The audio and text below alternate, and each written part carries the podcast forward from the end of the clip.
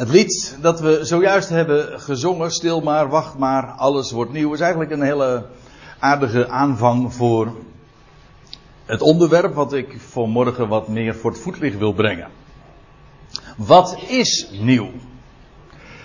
En het symbooltje of het plaatje wat u hier ziet met de zon daarboven, boven die tekst, dat eh, is een introductie eigenlijk voor de eerste schriftplaats die ik wil noemen, namelijk een uit Prediker.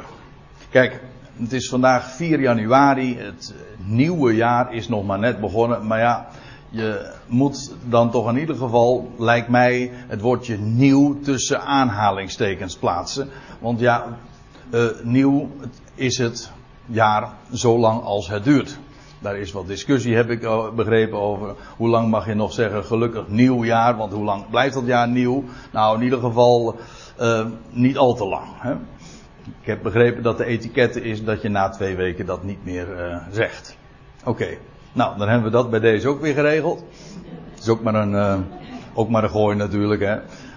Wat iemand ooit zomaar eens een keertje opgeworpen heeft. Maar ja, wat is nieuw? Nou, die vraag is in ieder geval niet nieuw. Want eh, prediker, de prediker, de zoon van David, want zo introduceert hij zich.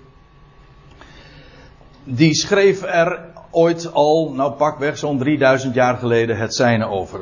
Ervan uitgaande dat het inderdaad hier gaat over Salomo. Het is wat omstreden, sommigen zeggen Hiskia. Ik hou het op Salomo. Daar hadden we het de vorige keer trouwens over. Dat was inderdaad vorig jaar, maar toch nog maar een week geleden. Over Salomo en zijn wijsheid. En hoe hij die wijsheid van God demonstreerde in die keuze van die, van die, ja, van die beide zonen. Enfin, daar gaan we niet nog eens een keertje doen. Maar uh, ik wil wel graag uh, naar het boek gaan wat hij dus uh, ooit geschreven heeft. Hij heeft heel veel gezegd, heel veel geschreven.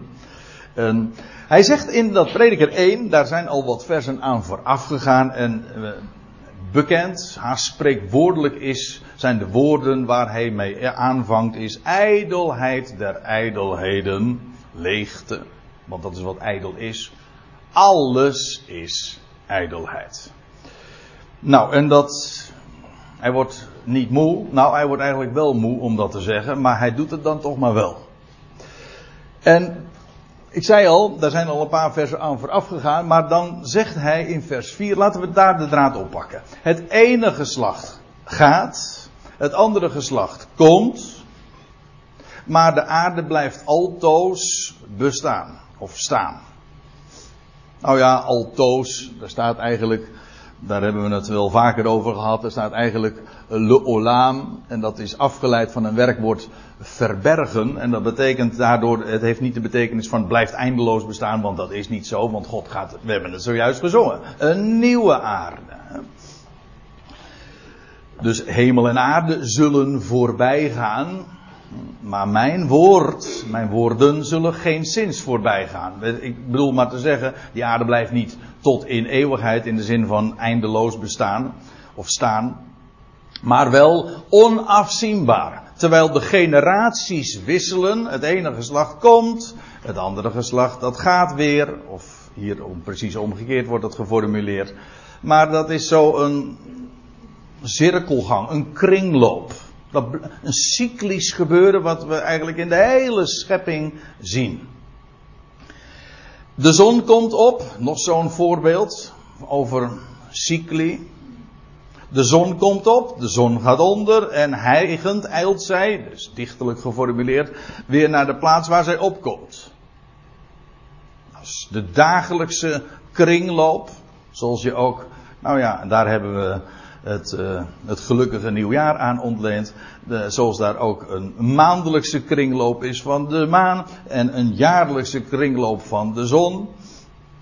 Daar houden we het dan maar eventjes op. Hè? Oh, uh, dat de zon inderdaad zo een kringloop maakt. Ja, in ieder geval, dat blijft maar doorgaan. En dat is dan ook nog, en Vers 6 spreekt dan over de wind, waar, waar je ook zo'n cyclisch gebeuren in aantreft. En dan vers 7, alle beken stromen naar de zee, nochtans wordt de zee niet vol. Nee, want dat is ook weer zo'n kringloop. Het water verdampt weer, nou enzovoorts. En naar, nochtans wordt de zee niet vol. Naar de plaats waarheen de beken stromen, daarheen stromen ze altijd weer. Dus dat blijft maar doorgaan. Maar de zee wordt er niet voller van. Alles keert weer terug.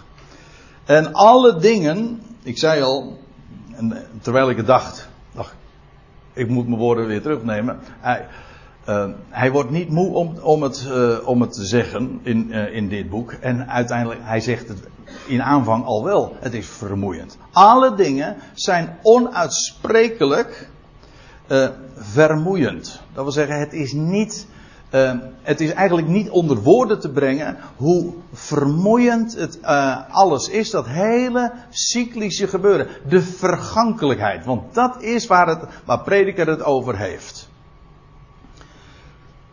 De geslachten komen, de geslachten gaan. Een, mens, laten we het eventjes heel persoonlijk uh, zeggen. Je wordt geboren, je leeft een x aantal jaren en je gaat weer dood. En ja, hè, hè. dat het.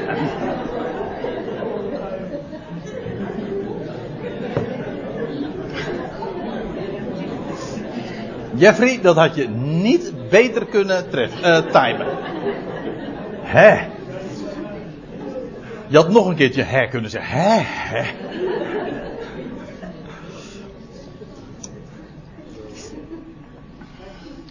Want ja, dat hele vergankelijke gebeuren, dat wat wij leven noemen, dat zegt de Bijbel heel onomwonden, dat is, dat is geen leven, dat is sterven. We zijn bezig dood te gaan. En dan kun je zeggen dat is een macabere, een pessimistische, of uh, welk etiket je daar ook op wil plakken, een benadering. Dat zal zo zijn, maar het is zo reëel. En die realiteit dringt zich ook voortdurend aan ons op. Je kan je eraan proberen te onttrekken. En je kunt er misschien een slinger omheen hangen en het vrolijk maken. Maar het is in wezen een heel triest verhaal. En daarom zijn er mensen. En je kunt er, je kunt er eh, ik weet niet of u dat gezien hebt, maar ja, je kunt daar van je beroep van maken en een conferencier worden. Maar afgelopen, deze week was het eh, Joep van het Hek. En uh, we zullen het over de conferentie niet hebben. Maar wat heel treffend is, dat deze man zich heel. Ik bedoel, hij staat bekend als een grappenmaker. Maar hij zegt, hij is van één ding doordrongen. Ik las het in de interview, er was ook een documentaire naar aanleiding van die conferentie die hij zou geven. En toen zei hij van, ik weet maar één ding en dat is dat ik dood ga. En hij, hij, hij geeft ook onomwonden toe dat hij een hele pessimistische levenskijk heeft. Nou ja, en dus moeten we er maar van maken wat er van te maken valt. En dan moet je alle registers uh, opentrekken. Maar vrolijk is het niet. Het is niet. De vrolijkheid wordt dus niet ontleend aan de levensvisie. Integendeel, want het is geen levensvisie, het is eigenlijk de visie, we gaan dood. Vandaag kan mijn laatste dag zijn en dan is het weer over en uit dat is de tragiek. En juist vanwege die tragiek denken we, nou dan moeten we, dan moeten we, als het zo is, als het zo tragisch gesteld is, moeten we maar, moeten we ervan maken wat er van te maken valt. Maar dat is niet omdat je zo'n geweldige blijde kijk op het leven hebt. Integendeel. Het is dus laten we eten en drinken. Ja, en vrolijk zijn. Nee, dat staat er niet, hè. Laten we eten en drinken, want morgen gaan we dood. Want vrolijk zijn, eigenlijk, je hebt geen echte reden op basis van dat gegeven om vrolijk te zijn. Die is er wel hoor, maar daar gaan we het straks over hebben. Eerst even dit. Alle dingen zijn onuitsprekelijk vermoeiend. Het oog wordt niet verzadigd van zien, het oor wordt niet vervuld van horen. Dat wil zeggen, wat je ook ziet en waarneemt in de wereld, en wat je ook hoort, en wat je allemaal uh, inderdaad, te, wat er te bekijken valt, het bevredigt niet. Het geeft niet aan het hart wat het. Uh, nee, ik wou zeggen wat het geacht wordt te geven, maar het geeft niet wat het, laat ik het zo zeggen. Het geeft het hart niet wat het nodig heeft. Onrustig is ons hart. En je kunt van al. En dat is ook, ja, alles uh, keert weer terug. En, en, en je kunt zoveel doen, zoveel bekijken. Je, kan, je kunt wereldreizen maken en inderdaad, je kunt van het leven allemaal je slingers ophangen. Zeggen, je leven you only live once, hè. YOLO. Zo was het toch?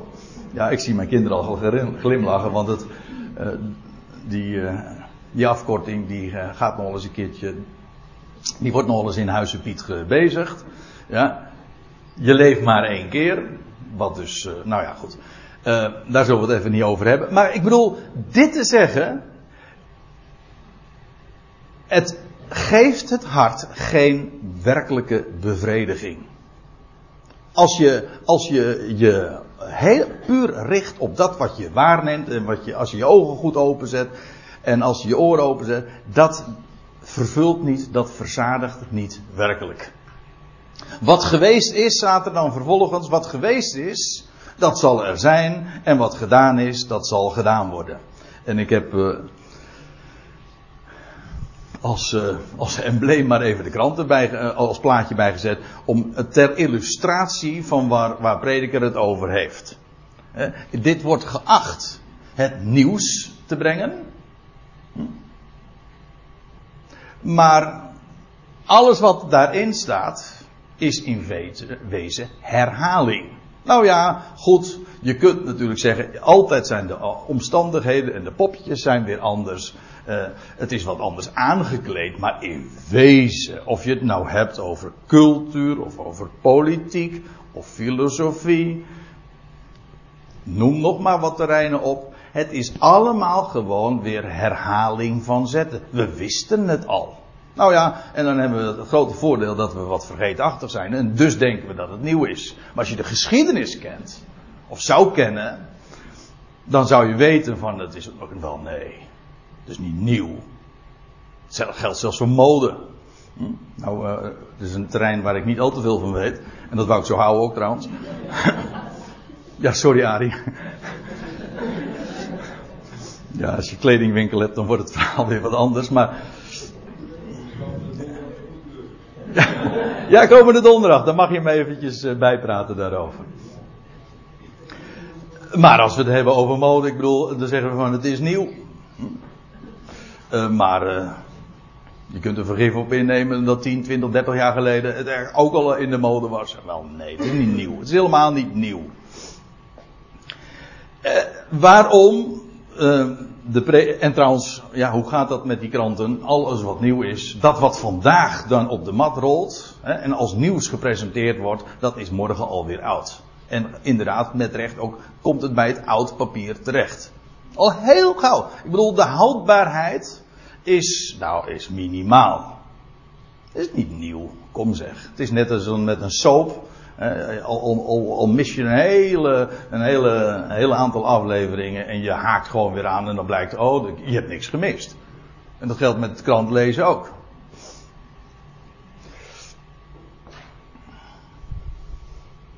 Alles is, de, is cyclisch. Je ziet dat in, in, in mensenlevens. Ik had er van de week nog een gesprekje over. Dat ging over dat, ging over dat wat een mens opzet en maakt. En een, bijvoorbeeld een bedrijf. Dat is ook altijd weer opgaan, blinken en weer verzinken. De eerste generatie verwerft het, zoals mijn vader dat altijd zei. De tweede generatie beërft het. En de derde generatie verderft het. nou, en dan zijn we weer terug bij af. U krijgt geen 400 euro. Zo.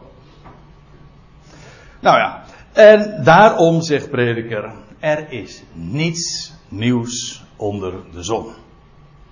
Dus, dit is het eerste antwoord op de vraag, wat is nieuw? Nou, prediker zegt er is niks nieuws onder de zon. Onder de zon. Ja, dat wil zeggen gewoon op het aardse vlak bekeken. Hè, want dat is de wijze waarop prediker zich als waarnemer ook opstelt. Ja, waar anders? Gewoon hier als mens op aarde, dan moet je gewoon, als je eerlijk bent, vaststellen: er is niks nieuws. Het is iedere keer een, een ander jasje, een andere vorm, een ander uiterlijk, maar in wezen is er niks nieuws. Is er iets waarvan men zegt: zie hier, het is nieuw? Want dat is, was er natuurlijk wel heel dikwijls zo gepresenteerd wordt. Daar hadden we het zojuist al over. Nou, zegt de prediker, dan vergis je, want het was er al in de verre tijden. Hier kom je trouwens weer dat woordje olam tegen, alleen dan in het meervoud, in de olamim. In de Statenvertaling staat trouwens in de eeuwen, de aionen. Het is dan weer op zijn Grieks geformuleerd. Het was er in, in de aionen die voor ons waren. Ik zei zojuist, het is vaak ons gebrek aan kennis van het verleden en van de geschiedenis, waardoor wij denken dat dingen nieuw zijn, maar het is niet zo. En zelfs als het gaat over techniek. Dit is, uh, er zou heel wat uh, boeiends over te zeggen zijn. Want dat ga ik nu niet doen. Maar ik wil wel eventjes een hint in die richting geven over die Ionen, de wereldtijdperken die aan de onze vooraf gingen. Ervan even vanuitgaande dat dit wereldtijdperk, deze Ion waarin wij leven, die boze Ion, waarin de leugen regeert. Wel, uh, deze Ion begon in de dagen van Noach, na de grote vloed. En, maar daar waren ook nog Ionen, die daaraan, er zijn tijdperken aan vooraf gegaan. Wereldtijdperken. Nou, toen wist men ook het een en ander. Toen kon men ook het een en ander. En wij denken dat met, wij met onze technisch vernuft nieuw, nieuwe dingen hebben. Nou, dat is nog maar zeer de vraag. En dan heb ik het zelfs over luchtvaart. Mm Nou ja, daar moet je, uh, daar moet je in wat. Uh, niet de mainstream wetenschappelijke werken kijken. Maar uh, daar zijn hele interessante dingen over te, te, melden. Wat er in de wereldtijdperken voorafgaand aan de onze al was. En men staat er nu nog van te kijken hoe het, hoe, hoe, hoe het in de wereld mogelijk is dat men zoiets als een piramide kon bouwen.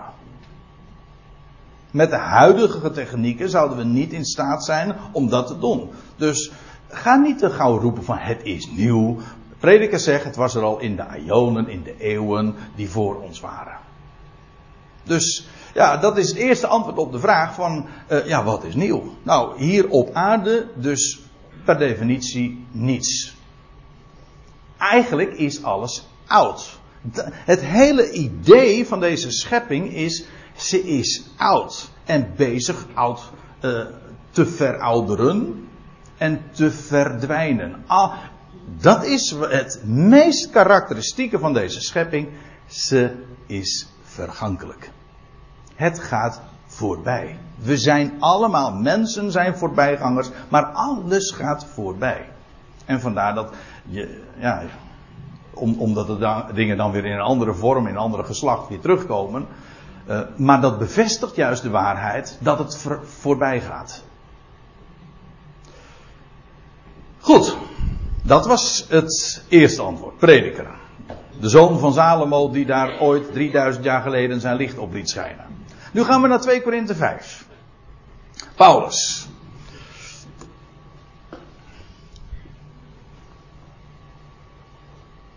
Dat is nieuw. Zo'n groot glas. ja, dommel staat erop, maar dat is het niet hoor.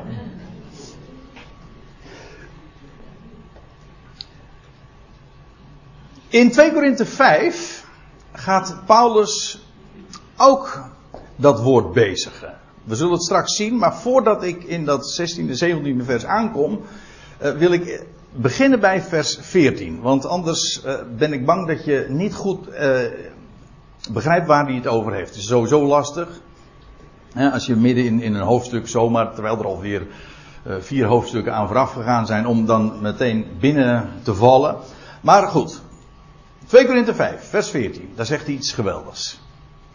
Paulus zegt daar, want de liefde van de Christus dringt ons. Let wel, let, wel, op het woord dringen. Dat wil zeggen, het, gaat, het is van binnenuit. En dan wil ik op nog een woord wijzen. Ik heb het onderstreept. Er staat van. Niet tot. Het is dus niet de, het is niet de liefde die wij hebben tot Christus, zegt Paulus, uh, die ons dringt. Nee, het is de liefde van Hem, of de liefde van God, in Christus Jezus. We hebben erover gezongen. De liefde Gods in Hem, die ons dringt. Dat is het. En dan wijs ik op nog een woord, dat woord liefde. Dat geen attribuut is eigenlijk dat hier op aarde thuis hoort, want wij kennen weliswaar allerlei vormen. Hè. We kennen eros, we kennen houden van, filio, maar hier staat een woord dat betekent onvoorwaardelijke liefde. Waar geen kostprijs aan verbonden is, wat je niet kunt verdienen, maar waar, door goed te doen, maar wat je ook niet kan verliezen door niet goed te doen of door kwaad te doen. Dat is onvoorwaardelijk. Dat is dus liefde van een hogere orde. Inderdaad, het is de liefde Gods.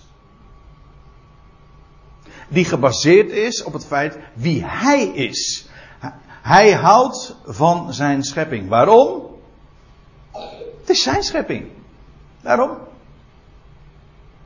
Daarom is geen schepsel van die liefde uitgesloten. Het is zijn schepping. Hij heeft het bedacht. Hij heeft het gemaakt. En daarom laat hij het nooit varen. Het is zo simpel. Als je het helemaal op naar de kern terugbrengt. Dan is het verhaal, de boodschap zo verschrikkelijk simpel. En in kerken klinkt, in de protestantse kerken klinkt het, en ik, ik, herhaal het vaak. Ik begin nooit op een officiële manier zoals dat in de kerken gaat. Uh, uh, deze samenkomst, dat is, dat, daar hou ik persoonlijk niet zo van, maar goed, dat, dat is weer een ander verhaal. Maar ik herhaal de woorden graag.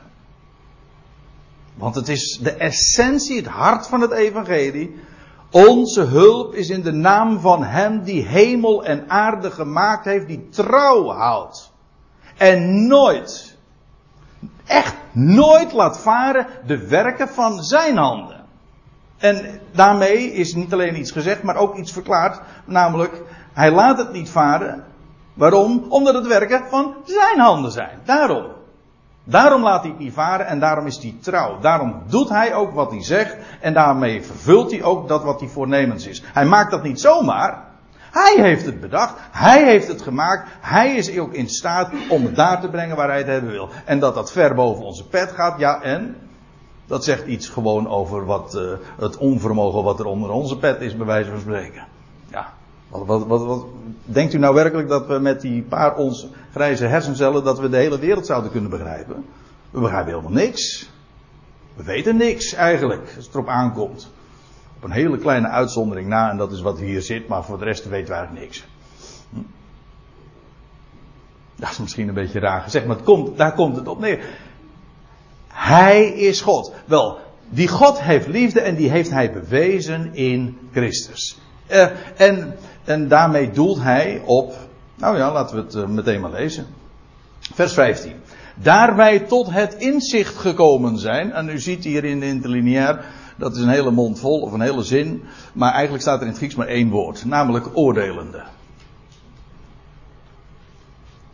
Wij oordelen, dat wil zeggen, wij hebben uh, besloten, wij hebben, of nog misschien beter gezegd, vastgesteld, vaststellend, dat één, ja inderdaad, staat ook in het Grieks ook in de, dat betekent letterlijk zonder horizon, in de aorist. Een feit wordt daarmee gezegd, oordelend dat één voor allen gestorven is. Of dat één ten behoeve van, want dat is wat het eigenlijk betekent, dat één ten behoeve van allen stierf. Dat is het. Het, het stond in deze wereld een kruis. En dat is het bewijs van, van twee dingen. Aan de ene kant van de vijandschap van de wereld. God gaf het beste en wat de wereld oordeelde. Weg met hem. En ze hebben hem aan een hout gespijkerd. Het was de, de, de daad van de ultieme vijandschap. Die de wereld daarmee aan de dag legde. Tegelijkertijd, maar juist daardoor ook, werd het het bewijs van Gods liefde. Want God zegt, Al sla je mijn zoon aan het kruis, al doet de wereld dat, juist voor die wereld die, de, die mijn zoon vermoordt, die ga ik het leven geven. Nou, dat is de liefde. Dan zie je dus inderdaad dat die liefde niet kapot te krijgen is. Zelfs al vermoordde de wereld zijn zoon, dan zegt hij, door die moord en in degene die vermoord is, ga ik juist het leven geven aan diezelfde wereld. Dat is liefde. Dat is liefde. En Paulus zegt, tot die vaststelling ben ik gekomen. En die vaststelling is maar niet een, iets rationeels. Ja, natuurlijk, het is heel rationeel. Dat kruis stond er. Het is een bewijs van de vijandschap van de wereld. Maar als God, nou door die zoon, diezelfde zoon die de wereld vermoord heeft, en als God aan, aan die wereld, die dat gedaan heeft, het leven gaat geven, dan is dat een bewijs van liefde. Als je dat eenmaal, als je dat vaststelt, en het kwartje valt, als u begrijpt wat ik bedoel, als het werkelijk doordringt, als je echt realiseert wat dat betekent, dan, is dat, dat, dan heb je begrepen wat liefde is. En dan gaat dat zijn werk doen. Dat dringt dat. Dat vind ik zo prachtig. Dat heel, heeft niks te maken met dat, dat moest hij doen. Nee, dat, dat is niet een taak die hem opgelegd was. Het is een, de liefde van God, de liefde van Christus, die hem drong van binnenuit. Dan gaat dat, dan gaat dat, ja, dan gaat het hart daarvoor kloppen. Goed. Oordelend dat één voor allen stierf. Dus zijn de allen, dus de allen stierven. De, het idee is, en we vinden dat veel vaker uh, in de brieven van Paulus, dat hij stierf ten behoeve van allen en de wereld wordt met hem geïdentificeerd. De allen stierven met hem. Ik wil, daar, uh, ik wil dat nu eventjes uh, parkeren, dat, die, die vaststelling. Maar eventjes dan vervolgens in, vers, in de rest van vers 15. En voor allen, en ten behoeve van allen, stierf hij. Ja, waarom deed hij dat? Opdat zij die leven. We, we zagen het zojuist al, het is het bewijs van de liefde van God in Christus. Dat is aan de ene kant. Maar hier staat, hij stierf voor allen, opdat zij die leven. Hoezo? Nou, kijk. Hij stierf om aan allen het leven te geven. Hij stierf om op te staan uit de dood. En dat leven dat hij 2000 jaar geleden daar in die tuin van Arimathea aan het licht bracht.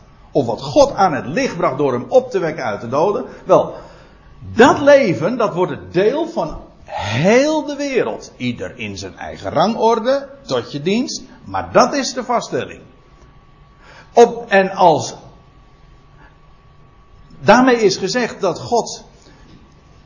Wat hij in die zoon doet, dat gaat hij realiseren met dat hele mensdom. Met die allen.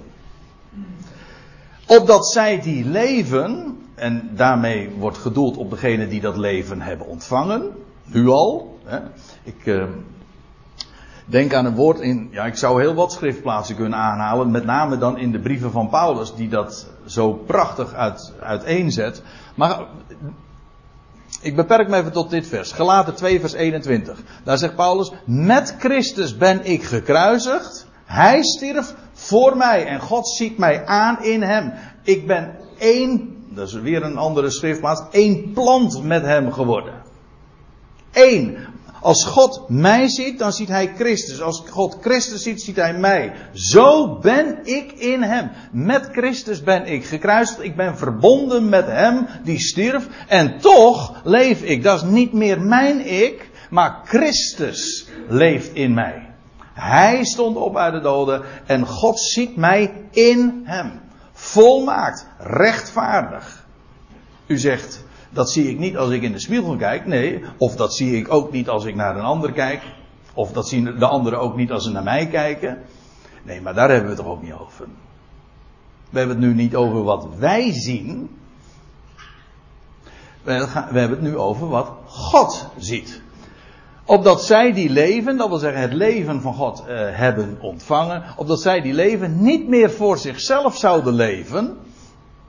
Niet meer voor zichzelf uh, zouden leven. Dat suggereert dus dat ze dat voorheen wel deden. En dat is precies ook wat. Uh, ja. Dat is eigenlijk een beschrijving ook van het leven van iemand die dat dus niet kent. Die leeft gewoon dus voor. Als je God niet kent, dan leef je dus feitelijk voor jezelf. Dan is ik de eerste persoon. U zegt dat klopt toch grammaticaal? Ja, maar dat is, dat is misschien wel heel veelzeggend. Ik is de eerste persoon. In het Hebreeuws trouwens niet, daar is hij de eerste persoon. Maar goed. En eh, de Engelsen die schrijven dan I met een hoofdletter. Dat is ook wel uh, altijd hè. Waarom zou dat toch zijn? Nou, in ieder geval omdat dat ego van de mens zo belangrijk is. Als je eenmaal hem hebt leren kennen, als je hem hebt leren kennen, dan weet je het gaat niet meer om mij. Om hij. Het gaat om hem. Dat is het enige ook wat werkelijk telt. Wat ook, en daarmee bedoel ik ook, blijvend is. Het ook, ook wat, het enige is wat telt op, um, op termijn. Ik bedoel, alles wat wij doen en ondernemen in deze wereld. Uh, ja, dat is wat Paulus in, in 1 Korinthe 3 zegt. Ach, het is hout, hooi en stroot. Alles wat we opbouwen, we denken dat het zo belangrijk is, het gaat gewoon weer voorbij. Maar weet u wat gedaan werd uit liefde tot, maar ik zou liever zeggen in dit verband, in, in de liefde van Jezus. Dat houdt zijn waarde. Namelijk alles wat Hij door ons heen doet. Wat Hij door zijn woord in, in ons leven bewerkt. En via ons ook aan anderen geeft. Dat houdt zijn waarde. Dat is misschien iets, nou dat weet ik wel zeker. Dat is, dat is geweldig belangrijk om je dat te realiseren. Ook, nou ja, er is weer een, een, een nieuw jaar, we hebben weer een nieuwe kalender. Waar gaat het in 2015 om? Om mij? Nee, het gaat totaal niet. Ook niet om wat we opbouwen. U zegt, ja, maar je moet toch leven? Ik zeg, nou, doe gewoon je ding. Maar het gaat om één ding. Om, om echt, niet om vele dingen, het gaat om één ding. Namelijk Hem te kennen. En Zijn woord te verstaan. Zodat Hij Zijn werk in en door ons kan doen. Dat is het enige wat telt.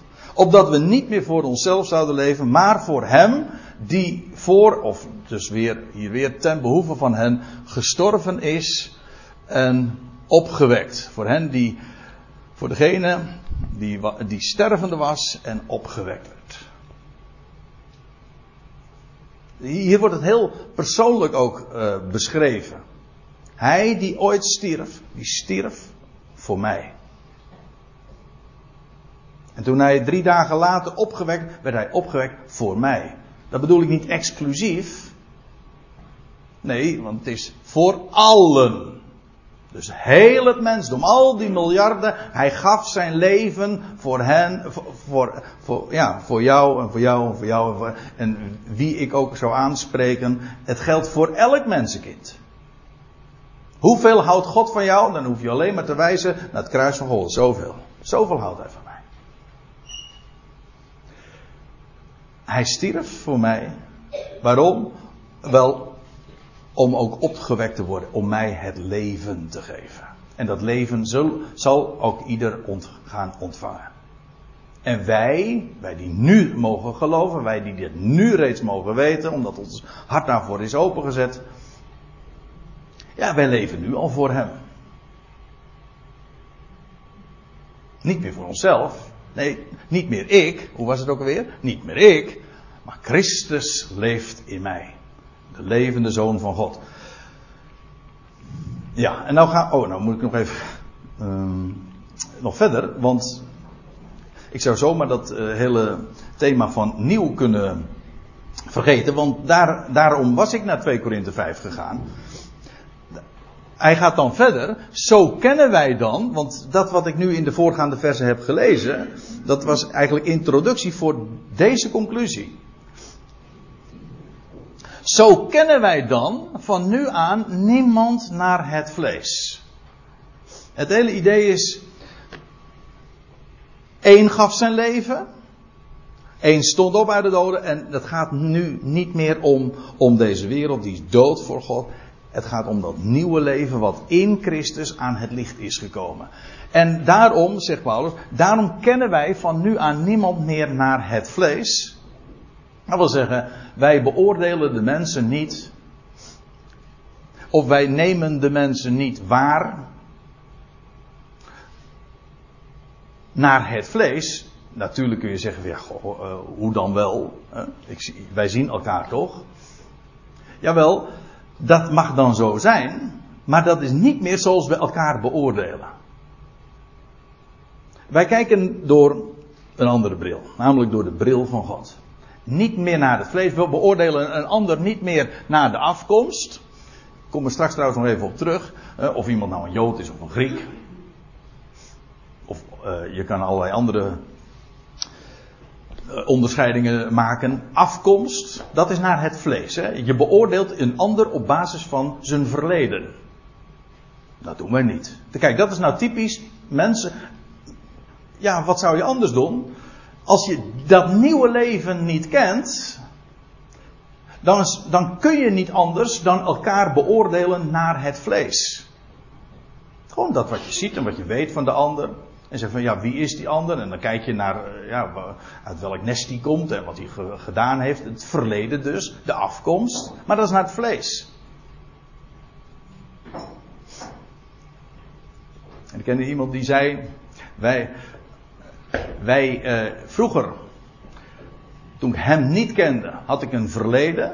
En nu ik hem ken, heb ik geen verleden. Echt, oh, wacht even. Toen ik. Even terugdraaien. Uh, toen ik hem nog niet kende, had ik een verleden, maar geen toekomst. En nu ken ik hem en nou heb ik geen verleden meer, alleen nog maar een toekomst. En wat voor een. Ja. Nou, en zo, en zo kijken we naar elkaar. We kijken, kijk, en dat vind ik prachtig. Zo geweldig. Dat, als dit tot je doordringt, dan zie je ineens heel andere mensen. Wij kennen niemand meer naar het vlees. Je ziet niet de ander, wie, wie, ja, wat ze gedaan hebben, het verleden. Nee, je ziet de mens zoals God de mens ziet. Namelijk naar wat ze ooit, niet naar wat ze waren en wat ze gedaan hebben, maar wat, wat ze straks zullen zijn. U zegt, ja, maar dat zie ik nog niet. Nee, maar God wel. Ik bedoel, wij zijn beperkt in de tijd, maar God overziet. God weet waar hij mee bezig is. Hij ziet de mens nu al volmaakt in zijn zoon en hij ziet nu al wat ze straks zullen zijn. En wij zien het ook gewoon. Waarom? Omdat hij gesproken heeft en wij zien dat, wij kijken dus door de bril, om zo te zeggen, van zijn woord. Hij verklaart dat. Zo zullen ze zijn. En moet je zo eens kijken naar elkaar. Op wie, vooral op degene op wie je zoveel aan te merken hebt. Want die deugt niet. Als je kijkt wat die allemaal uitgevreten heeft, daar wil ik helemaal niks mee te maken hebben. Want, nou en dan volgt er weer het een en ander. Kijk, dat is nou, dat is een ander beoordelen naar het vlees. Namelijk naar het verleden. Maar ga nou eens een keertje kijken. Zoals God de wereld ziet. Namelijk naar wat ze straks daadwerkelijk zullen zijn. Wat hij van mensen gaat maken. En dan, en dan zie ik alleen maar volmaakte mensen. En u, u ziet nu hier ook een volmaakte iemand dan. Volmaakt. Waarop niets is aan te merken. Dan kun je dus ook niet meer boos op me worden. Hm? U zegt het is idealistisch. Nou, dit is de wereld bezien zoals God het ziet. Niet meer naar het vlees. Dus afkomst en status, slaaf of vrije, wat iemand bereikt heeft in zijn leven of geslacht, verleden, uiterlijke verschijning. Dat is allemaal naar het vlees iemand beoordelen wij niet. We kijken zoals God de wereld ziet, namelijk geliefd, volmaakt in zijn zoon. Dat is wat hij via de zoon gaat realiseren. En zo kijken wij. En zo, dat vind ik prachtig dat we zo inderdaad ook mogen waarnemen. En, ineens, en dan leef je in dezelfde wereld als, als, als je buurman en je ongelovige collega. En toch, je ziet iets heel anders. Je ziet een heel andere wereld. Terwijl je dezelfde ogen hebt. Ja, maar je, je hebt een bril op, eh, om zo te zeggen. Kun je toch nog iets positiefs zeggen wat, over een bril. Toen we hier kwamen, toen, uh, toen zei ik dat het maar zo'n onding eigenlijk is. Dat blijft het. Het is behelpen. Maar ja goed, dat heb je ook weer. Dat heeft ook weer met de veroudering te maken. Maar de bril van God. Dat wil zeggen, kijken zoals God, zoals God kijkt. Zo kennen wij van nu aan niemand meer naar het vlees. Indien wij al Christus, zegt Paulus, naar het vlees gekend hebben. Je zou, eh, hierin ligt de suggestie meer is het niet, maar hierin ligt de suggestie dat Paulus ooit Jezus naar het vlees gekend heeft. Ik kan het niet zwart op wit bewijzen, je kunt er onderuit als je wil, maar dus het suggereert dat als we Christus al naar het vlees gekend hebben, en het is trouwens ook heel erg eh, goed mogelijk dat Paulus, Saulus, in zijn dagen in Jeruzalem al aan de voeten van Gamaliel was en inderdaad wel kennis heeft gehad van Jezus van Nazareth. Waar hij zo'n hartsgrondige hekel aan had. Maar goed. Hij zegt, indien we Christus al naar het vlees, dat wil zeggen Jezus hier op aarde, gekend hebben. Hij zegt, thans niet meer. Wij kennen hem nu niet meer als de Jezus hier op aarde. Wij kennen hem nu zoals hij is, namelijk als Christus. Zo is dan, dat wil zeggen, degene die opgestaan is. Zo is dan wie in Christus is, dat is de opgewekte, hij die aan Gods rechterhand is. U weet het? Jezus is de naam van hem die hier op aarde wandelde. Dat is de naam die men hem gaf bij zijn geboorte, bij zijn besnijdenis. Christus is de titel die juist hoort bij het feit dat hij is opgestaan. De levensvorst. Daar is hij. Zo is dan wie in Christus is. Dat zijn in principe, dat is, dat, ja, wie zijn dat? Nou, dat zijn die allen uit het voorgaande versen. En dat allen in het algemeen, maar zij die nu hem kennen in het bijzonder. De gelovigen dus. Zo is dan wie in Christus is. Ja, en dan moet ik er nog iets bij zeggen uh, een nieuwe schepping. Zo is dan wie in Christus is, namelijk de opgestane, dan praten we niet meer over hij die hier op aarde wandelde en stierf, maar we praten over degene die drie dagen later opgewekt werd uit de doden, eens voor altijd, om nooit meer te sterven. Kijk, dat is nieuw. Dat is nieuw.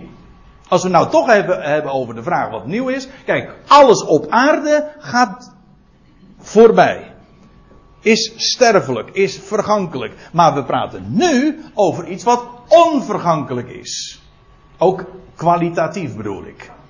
Ook in, Paulus zegt in 1 Korinthe 15, in onvergankelijkheid, in heerlijkheid en in kracht. Dat, dat zijn attributen. We hebben daar in Bodegraven een heel aantal Bijbelstudies aangeweid. Dat zo geweldig. Dat nieuwe in Christus. Wel, zo is wie in Christus is een nieuwe schepping. Dat is splinternieuw. En ik heb nu expres dat, dat plaatje van de voorgaande, dat uh, op de eerste dia stond, eventjes weer teruggehaald. Maar nu heb ik het iets anders gedaan.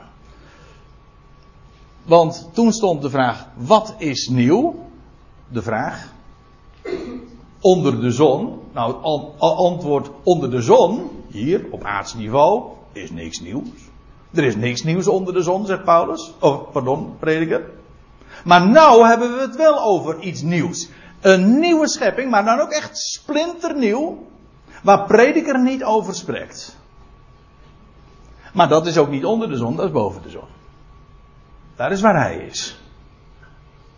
Nu, Boven alles verheven. De top, een toppositie, inderdaad. Alles is onder zijn voeten gesteld. Kijk, daar in hem ligt het nieuwe verankerd. In hem is het al realiteit geworden. Hij is de levenswoord, de opgewekte uit de doden. Daar is hij, en Paulus zegt, dat is dan weer in Colossense 3, zo, dat wie, uh, ik zal het wel even goed lezen. Indien ge dan met Christus opgewekt zijt. Wat altijd heel erg dubbelzinnig is, hè? Opgewekt. Wij zijn met Christus opgewekt. Nou, uh, ik geloof niet dat hij bij iedereen uh, binnenkomt. Maar ik vind dit zo een opwekkende boodschap. Dit is, dit is nieuw leven.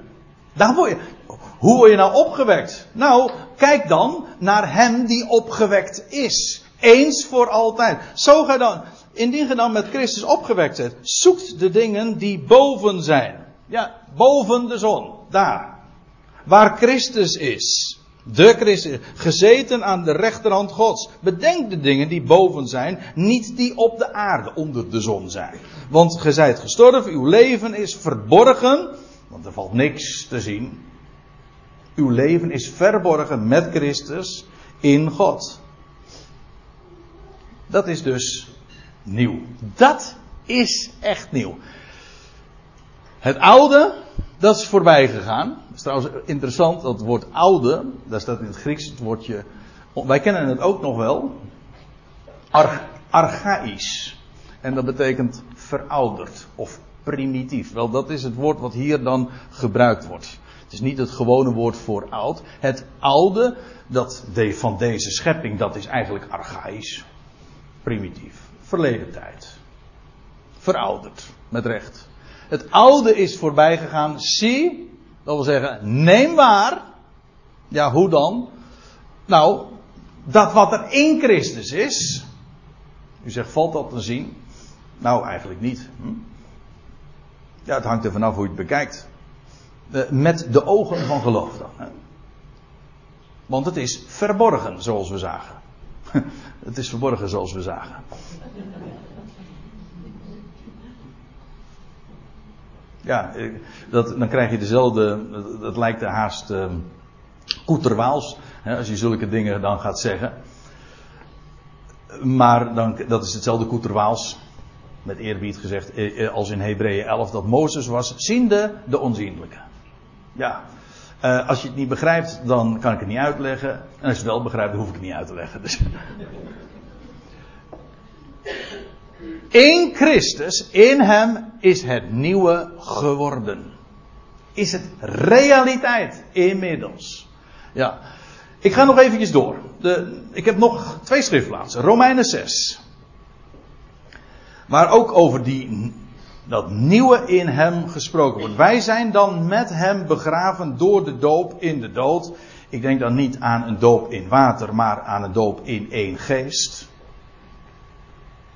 Niet aan een ritueel, maar aan wat, uh, zoals de Paulus er ook over spreekt in 1 Korinthe 12, vers 13, in één geest gedoopt. Dat wil zeggen, we zijn met hem begraven. U ziet, dat is een, een, eh, een rode draad die door al de brieven van Paulus loopt. Dat is die identificatie, is een moeilijk woord, met hem. Dat wil zeggen, we zijn één gemaakt met hem. Christus stierf. Christ, wij stierven met hem. Christus werd gekruisigd, wij werden met hem gekruisigd. Wij, Christus werd begraven, wij werden met hem begraven. Christus werd opgewekt, wij zijn met hem opgewekt. Dus zie je, die, als, je met, als je hem hebt leren kennen, ben je één gemaakt met hem. God ziet je nu één met hem. Zoals hij, als hij Christus ziet, dan ziet hij jou. Zo, maar zo als, zoals hij Christus ziet, zo ziet hij ook jou. En mij. We zijn één gemaakt met hem in zijn dood. En dan staat er dan op dat gelijk Christus uit de doden opgewekt is. Hier zie je het weer. Door de majesteit des vaders. Dat wil zeggen, door de, eigenlijk staat er de heerlijkheid van de vader. God wekte hem op. Hij stond niet uit de dood in eigen kracht. Nee, God wekte hem op uit de doden. Wel, opdat gelijk Christus uit de doden opgewekt is door de heerlijkheid van de Vader, zo ook wij in nieuwheid van leven zouden wandelen. Dat is het. En dat betekent dus een heel nieuw leven. In hem is er een nieuw leven. Dat is leven van de opstanding. En wij leven dus aan de andere kant van het graf. U zegt dat is erg voorbaardig. Want we zitten, we, we, we zitten hier dan toch maar hè, 2015, 4 januari hier in Zoetermeer. Allemaal heel aards. Ja, ja. Maar kijk met de ogen van God. In geloven, ik ben verbonden met Hem. Met Christus. Zo ziet God mij. Wat verhindert mij om ook zo te kijken? En dan zie je geweldige dingen en dan zie je nieuwe dingen. En dat is ook zeer opgewekt. Daarom, daarom kan ik u ook niet anders en beter aanbevelen. Als u een opgewekt, als u een gelukkig leven wil hebben. In echt leven. Wel, wandel in, in dat bestaan. Dan heb je, in, heb je echt inderdaad een nieuw. Een wandel. Vandaag al, hier. In dat nieuwe leven. Opstandingsleven. Leven van de opstanding. Want daar heeft Paulus het over. Dat wacht niet uh, tot straks. Nee, zo'n nieuw leven mogen we nu al leven. Alsjeblieft. Voor wie het, voor wie het maar geloven wil. Als je het maar belieft. Goed. Nog één. Colossense 3. Ook de, de uitwerking daarvan. Trouwens, eh, ik citeerde dat zojuist, ik heb het nog steeds voor me liggen, Colossense 3. En dat is het laatste schriftplaats die ik dan genoemd wil hebben. Ik heb uh, vanmorgen nog uh, heel wat weer moeten wegkrassen, want ik had nog een aantal andere schriftgedeelten, maar dat ging hem niet meer worden. Moet wel voor het einde van 2015 weer klaar zijn natuurlijk. Maar Colossense 3 vers 9, daar staat, licht niet meer tegen elkaar. Je zou dan eigenlijk inderdaad het voorgaande nog even moeten lezen. Maar als er iets is wat karakteristiek is eigenlijk voor de oude mens, dan is dat wel leugen. Ik zei zojuist, uh, hadden we het over de, over de tegenwoordige aion. Dat is de boze aion. Dat is de aion die geregeerd wordt door de leugen. En door de vader der leugen, de God van deze aion. Liegen en bedriegen een schijnwerkelijkheid voorspiegelen. We hadden het net over de kranten. Nou, dan kun je ook nog. Um, behalve dat het erg oud is. Wat ze presenteren. Het is ook een valse voorstelling van zaken. Er was ooit een nieuwslezer, Bob Meijer, die een boekje schreef. Tot over met als titel Het beste nieuws wordt verzwegen. Dat is een Joodse man die de Messias heeft leren kennen. Of hij nog leeft, weet ik eigenlijk niet. In elk geval, het beste nieuws wordt verzwegen. Liegen en bedriegen, een valse voorstelling van zaken, dat is karakteristiek in de, in de hele wereld. Zoals de mensen gemanipuleerd worden. Wees, er, wees je heel goed ervan bewust wat, in wat voor aion we leven. Want als je erin meegaat, je, wordt, het klinkt je van alle kanten toe hè, hoe de dingen zouden zijn.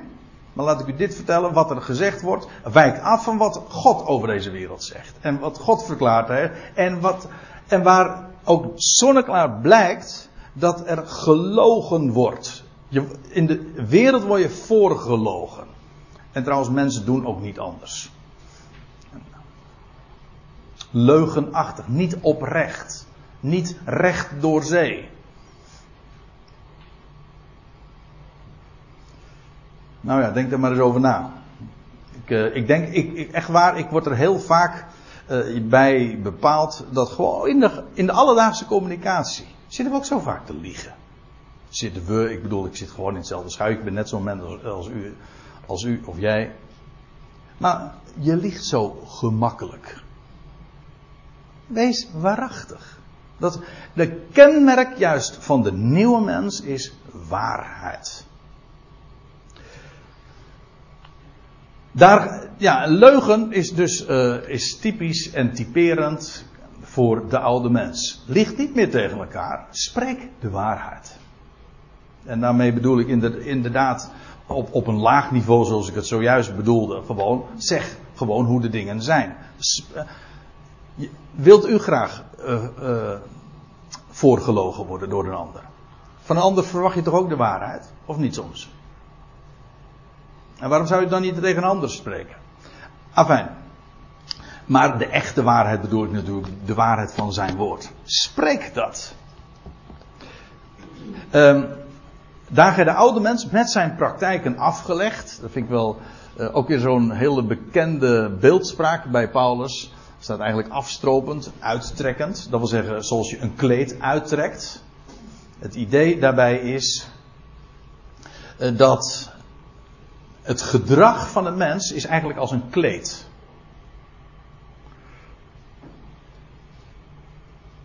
De wijze waarop je je voordoet. Wel, dat wat bij de nieuwe mens hoort. Kijk, elk mens, als je. Oh, laat ik een voorbeeld geven. Je gaat naar het zwembad en dan doe je, dan doe je je zondagse pak of dan doe je je kleding eh, uit en dan trek je passende kleding aan, zwemkleding. Hm? En je gaat naar een gala, dan trek je gala kleding aan. Dat wil zeggen, je doet dat aan wat bij je past. Of wat past bij dat moment. Wel, bij, deze, bij de oude mens past een kleed. Een gedrag, een, een uiterlijke verschijningsvorm. Nou, de praktijken van de oude mens, dat hoort daar allemaal bij. Maar wij kennen nu de nieuwe mens. En wij, wat doe je dan? Wel, dan trek je het, het gewaad aan, het gedrag aan. Dat is de beeldspraak van de nieuwe mens. Die hoort bij de nieuwe mens. Bij de oude mens hoort leugen. Wij, dat past ons niet meer. Wij kennen de waarheid. We weten het belang van de waarheid. We kennen hem. En dus spreken we de waarheid. Dat is wat daarbij past. Dat is dus helemaal niet het idee. Ik vind, Paulus spreekt er eigenlijk wel heel laconiek over. Het is niet van vechten tegen oude, uh, tegen deze praktijken. Helemaal niet. Het is een, een ander kleed dat je aantrekt. Dat, het ene past wel, het andere past niet. Dus het ene leg je af, trek je uit. En het andere trek je aan. En de nieuwe aangedaan hebt, hier heb je dat woordje nieuwe weer. Aandoet, dat is ook weer een feit, die vernieuwd wordt tot volle kennis. Trouwens interessant, in het, uh, het Grieks, dat kent twee, soorten, twee woorden voor nieuw. Dat is heel lastig om dat in het Nederlands weer te geven. Kijk, wij hebben aan de ene kant, uh, wij spreken over oud, en dat is de tegenstelling van nieuw. Maar je kunt oud is ook de tegenstelling, een antoniem heet dat in het, uh, zo noemen ze dat met een deftig woord. Uh, oud is ook een antoniem van jong. Nou, het Grieks geeft dat keurig aan met deze woorden, kainos en neos. En hier wordt het, worden beide woorden gebruikt. Nieuw, als tegenstelling van oud, en jong. Dat is dan eigenlijk de, het, het meest treffende woord. Dus de nieuwe aanhoed die verjongd wordt. Nou zeg ik het precies omgekeerd. Uh, ik bedoel, de jonge mens. Eigenlijk de, die fris is. Maar wat mooi is, die ook fris blijft. Dat nieuwe leven, dat veroudert niet, het is onvergankelijk, dat blijft fris en jong. En het is ook nieuw en dat wordt ook. Uh, wij worden vernieuwd. Vernieuwd wordend. Tot volle kennis. Of eigenlijk staat hier dat woord besef. Het idee is deze. We kennen een nieuwe schepping. We kennen de nieuwe mens. We kennen het nieuwe leven. En het proces wat in ons leven plaatsvindt, is er een van vernieuwing. Ik weet, de mens is uh, de, van nature heel conservatief. Uh, heb je een hekel aan, aan, aan nieuwe dingen. Maar wij worden vernieuwd in ons denken. Dat wil zeggen. pardon. Worden vernieuwd Namelijk tot besef. Je leert anders te kijken. Hoe, hoe, hoe gaat dat in zijn werk? Je leert het woord verstaan. En dat woord, dat vernieuwt ons. Dat transformeert ons. Daardoor onderga je zelfs een metamorfose. Dat, is allemaal, dat zijn allemaal termen, termen die je zo in het Nieuwe Testament uh, terugvindt. We worden vernieuwd. We denken anders tot vol besef. Ja, er staat in de, in de MBG-vertaling wordt het dan weergegeven, dit woord met volle kennis. Het is, het is inderdaad, letterlijk staat er epignosis, dat betekent op kennis. Dus dat wil zeggen, het gaat de kennis te boven. Je kunt iets weten, maar epignosis gaat, gaat hoger. Dat ligt daarop. Dat is op kennis. En wat is. Je kunt iets weten zonder dat je het je realiseert. En dat is dit woord, epignosis. Besef echt beseffend. Wij zeggen dan, dan is het kwartje gevallen. Je kunt iets weten, je kunt, je kunt en u hebt ongetwijfeld uh, soortgelijke ervaring, niet alleen in verband met de Bijbel lezen, maar je kunt soms dingen horen, je weet het wel, en het duurt soms een hele tijd voordat je het echt gaat beseffen, epignosis. Dat het kwartje valt, dat je ineens donders goed in je, tot in diepste vezel van je bestaan, het gaat, gaat verstaan, begrijpen.